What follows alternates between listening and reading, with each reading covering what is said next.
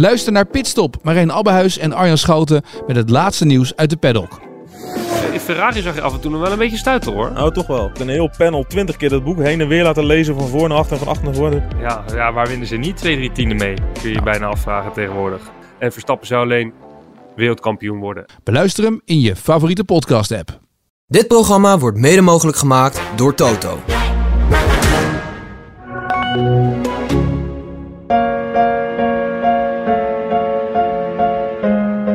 Het is vrijdag, 1 maart.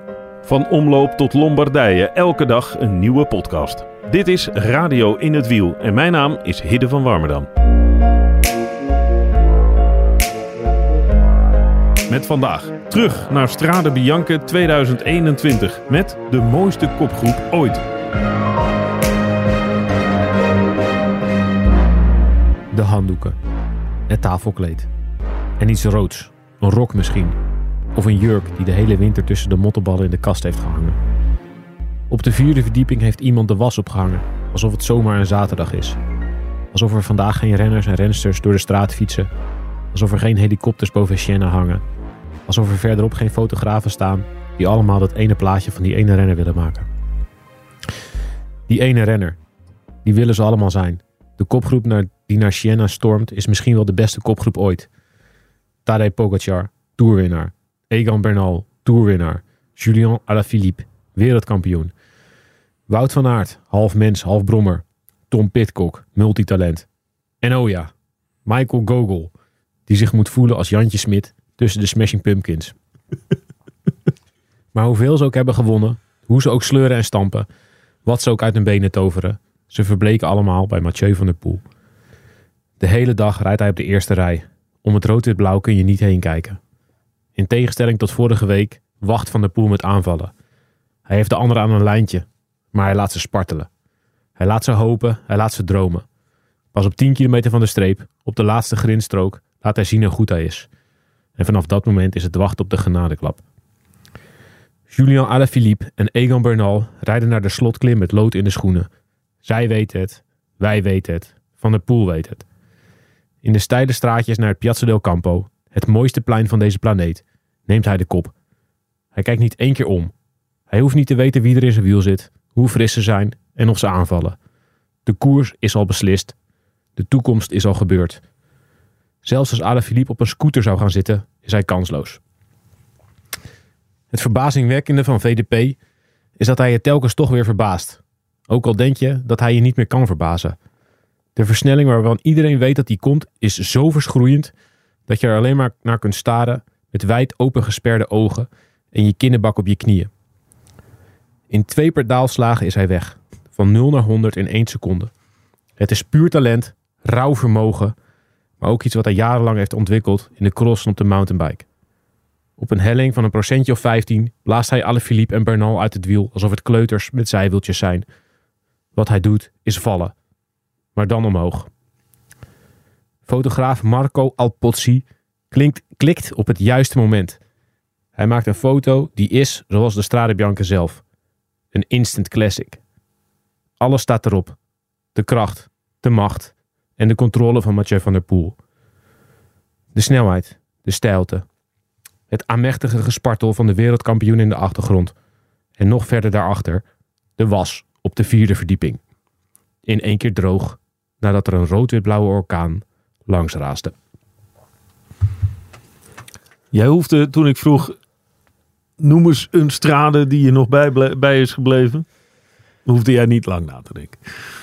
Ja, die van 2021 vind ik echt... eh, ja, dat vind ik misschien wel de mooiste straden die ik heb gezien. En er waren mooie bij. Ja, daarom, die van 2018. Benoot. Ja, zeker. De, eh, in, de, in het slecht weer. Waar Van Aert eh, in, in hetzelfde stukje eh, als waar Van der Poel demereerde kramp kreeg en eh, van zijn fiets af moest. Oh. Prachtig beeld ook. Ja. Maar er ja, zaten mooie dingen bij. Maar in 2021, en die- jij zegt een aantal dingen. Was dit je column? Of, of is dit een... een... ja, was er zoiets, ja. Maar het- Oh. iedereen, weet, iedereen kent die foto. Dat is ook gewoon Ja. echt een klassieker geworden. Ja. Ik hoef de, ja, En wat hij staat zegt, overal. De- dit is, Instant cla- classic. Ja. ja, deze foto, eh, ja, als je, als je googelt op Van der Poel, en zeker als je googelt op Van der Poel Strade, dan krijg je alleen maar deze foto. Eh, de kleuren zijn mooi, de houding van Van der Poel is prachtig. Met zijn fiets aan de andere kant, je ziet echt het talent en de klasse en de snelheid en de, de, de kracht er vanaf spatten. Ik, ja, dit is echt, ik vind het een van de mooiste wielerfoto's ooit, denk ik. Zeker ook om, ja, omdat er zulke mooie details in zitten, zoals die was die ergens op de achtergrond hangt. Eh, ben je er wel eens geweest, die plek? ja, zeker. Zeker. Ja, als ik daar loop, dan denk ik ook echt ja, hoe, hoe stijl dat is. En hoe je dat vermogen daar kunt ontwikkelen om echt eh, om zo hard te gaan als Van der Poel daar deed. Ja, op die eh vulkaanplavuizen. Ja. Het, het was ook echt een van de eerste keren dat, die, dat Van der Poel echt ook eh, wachtte en de rest echt zomaar uit het wiel blies. Alaphilippe was toen echt heel, heel goed. Het was echt Alaphilippe in zijn prime. En ja, die had gewoon geen enkele kans. En iedereen wist wat er ging gebeuren. Dus ja, ja ik denk dat het voor Van der Poel ook wel een, een, een belangrijk moment in zijn carrière is geweest. Dat hij gewoon ook echt gewoon kon wachten tot het moment waarop hij dacht, nou, ga ik nu. En ehm, Ja, was het ook een besef van eh, zo kan het dus ook? nou, hij had best wel wat. Hij, kijk, hij won. Hij had dat toen al het een en ander gewonnen natuurlijk. Eh, maar er zaten ook best wel dingen bij. eh, best wel wat koersen bij waar hij heel vroeg aanviel. Waarbij hij echt een soort circus van maakte. En dit was eigenlijk winnen zoals je veel wedstrijden kunt winnen. En ik denk dat hij. Dat heeft natuurlijk tot. Misschien wel tot vorig jaar geduurd. Dat, de knop echt is omgezet. Je moet zorgen dat je. De grote wedstrijd, daar kun je niet alleen maar in spelen. Ehm, en ja, hij komt hier nog meer uit die tijd waar hij. Dit hoort nog meer bij de Amstel Gold Race van 2019, waarbij hij gewoon ging aanvallen op de. eh waar was het? Op de Gulpenerberg. En vervolgens op de Kruisberg werd afgereden. Ja. Dat hij daarna weer terugkwam. Dat is een aparte podcast waard. Ja, ja absoluut. Ja. Maar, maar dat, was, dat was ook te wijten aan de verkeerde keuzes die hij maakte. En de Van de Poel van nu, en de Van de Poel dus ook van 2021 in die straden, die ging, dat, die ging zo'n scenario niet laten gebeuren. Die geeft ook iets uit handen als je heel vroeg gaat. En ja, ja je denkt, nou, we zien het wel. En eh, hier was hij zo in control over alles. Dit was echt een van de beste Mathieu van der Poels die we gezien hebben. Tot die tijd? Of? Nou, ik denk sowieso. Ja. Ja, hij reed toen nog met, eh met Strava en de vermogens en zo kon je allemaal terugzien. Als je zag wat hij daar ontwikkelde. Dat was geloof, ik geloof dat hij eh, 1280 watt reed over, eh, weet ik hoeveel, gewoon over een halve minuut of zo. of over 20 seconden. Dat je echt dacht, ja, maar het is ook niet zo gek dat alle verliep daar als een kleuter wordt afgeblazen. Alle verliep gaat niet langzaam, want de poel gaat gewoon heel hard. Ehm, maar ik vond ook wel een mooie het is ook wel een mooie ode aan die wedstrijd. Ehm, Leg eens uit. ja, het is natuurlijk. Dus er wordt nu al gesproken over, ja, is het nou een monument, ja of nee? Dat vind ik altijd een beetje een onzinnige discussie, want dat is, ja, wie beslist wat, wat een monument of een klassieker of is, ik, weet ik veel wat is. Dus best wel een subjectieve ehm, kwestie. Ja, nutteloze stikken. Ja. Ja. Maar de Strade Bianca is natuurlijk een hele nieuwe koers. Ehm, en het heeft het wielrennen ook wel echt veranderd. En in het begin van toen hij er net was, was het een 1.1 wedstrijd. En het was jarenlang de 1.1 wedstrijd. Dus dat is eigenlijk derde categorie onder de World heb je Pro Series nu en daarna onder 1.1. Dat was toen HC en daarna 1.1. Ehm, was toen altijd de 1.1 wedstrijd met het beste deelnemersveld. Dus met andere woorden, er is niet veel geld te verdienen. Er zijn niet veel punten te verdienen. Er is geen grote historie. Maar er waren zoveel renners die dit heel leuk vonden om te doen. Ehm, dat ook in de beginjaren van deze wedstrijd waren, waren de deelnemersvelden echt fantastisch. En ehm, dat is nu nog steeds zo. Het is nog steeds een van de wedstrijden met eh, de beste deelnemersvelden van het hele jaar. en dat is ook omdat verschillende renners elkaar daar ontmoeten. Want daar leent het zich ook voor. Ja, dus het zijn de, het zijn de klassieke coureurs.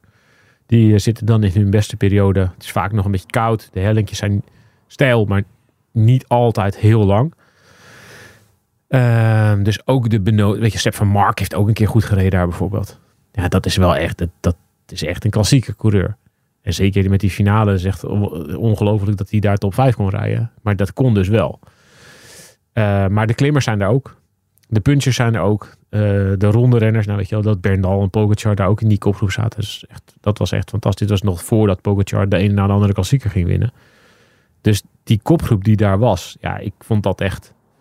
Ja, ik noemde de namen net al eventjes op. Ja, Nou ja, het is een prachtige, ja, met de benaming van de kopgroep is ook heel mooi. De, de, ja, dat waren gewoon echt de beste renners van dat moment. de beste kopgroep ooit. Ja.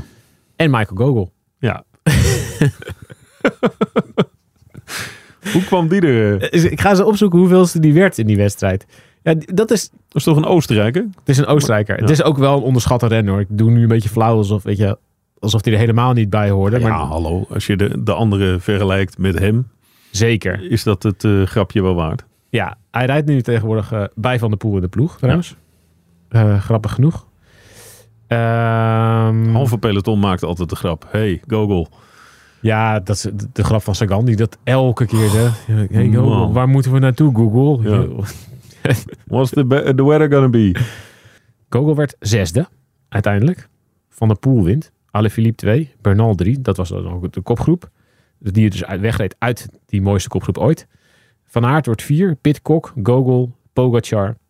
En dan is er een heel groot gat. Dus hij, eh, Gogol heeft nog Pogacar achter zich gelaten. Nou, Fantastisch, toch? toch? Met die finale. Hij reed toen ook voor Quebeca. Dat was echt, die ploeg die presteerde helemaal niks. Maar dit was echt, eh, ja, dit was fantastisch dat, hij hier, dat hij hier überhaupt mee zat. En ik denk ook wel dat hij om zich heen heeft gekeken en dacht, mijn erelijst, er staat één overwinning op zijn erelijst. De grote prijs Laguna Porec. Oh, twee, sorry. Hij heeft ook nog een rit gewonnen in de Grand Prix of Sochi. De Grand Prix of Sochi. Echt. Ja, dan moet je toch wel in een eerlijk zijn. Formule 1 auto. dan moet je toch wel eerlijk zijn en, en wel toegeven dat dit. Ja, dat het fantastisch was dat hij mee zat in deze kopgroep. Maar je mag toch hopen dat er, dat er een, een Oostenrijkse televisiemaker van andere Zeiten Sport... Die ooit is. Ooit die is dit verhaal ja, vertelt. Ja, Anders moeten wij het doen. Waarom doen wij het niet? ja, dat vind ik eigenlijk wel leuk. Gewoon naar het moment. Jij keek om je heen En toen? en je ziet Bernal, Van Aert, Van der Poel, Pogacar en Alaphilippe. Dacht jij toen... Hier hoor ik tussen. Hé, hey, wacht even. Ik zit hier... ja, Zijn verhaal van die dag is, is wel tof. Ja, dat, dat, dat denk ik ook. Ik denk dat het echt tof is. Maar eh, hij was dus al een keertje... eh het jaar ervoor was hij al negende. Dus het is, ook, het is ook gewoon een renner die dus waarschijnlijk Dit goed kan. dit goed kan. Goed kan. Dus wel een aardige punch heeft. Goed kan sturen. Dus, eh, en, en dus ook wel wist op welk punt hij vooraan moest zitten. Let op, gaat het altijd. Dan gebeurt het altijd, geloof ik. Dus, Mathieu van der Poel won deze wedstrijd. Maar ik vind toch ook wel dat Michael Gogol hier een beetje de morele winnaar heeft. dat is toch degene die, die over 40 jaar aan zijn kleinkinderen dit verhaal vertelt, toch? Ja. En toen keek opa aan de ronde.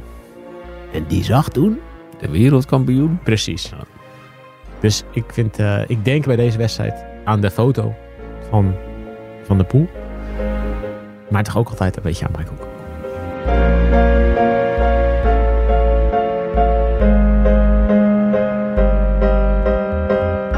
luisterde naar Radio in het Wiel. Deze aflevering werd gemaakt door Michiel Elijzen, Thijs Zonneveld, Roel Rekko en Hidde van Warmerdam.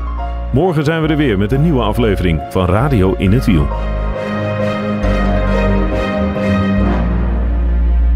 Dit programma werd mede mogelijk gemaakt door Toto. Luister naar de AD Voetbalpodcast. De dagelijkse podcast voor alle voetballiefhebbers. En mijn vrouw heeft totaal geen verstand van voetbal hoor. Dus die weet ook niet of het re- reëel is voor Feyenoord of niet. Maar Hebben we het niet over? They're back. Hè? grote kans dat een van de Italiaanse teams ook de finale haalt. Hè? Dit accepteren we niet. We stoppen ermee. Geen voetbal meer vanavond. kwart over zes ging, ging de telefoon en niet, niet één keer, maar een keer of zes achter elkaar. Beluister hem in je favoriete podcast app.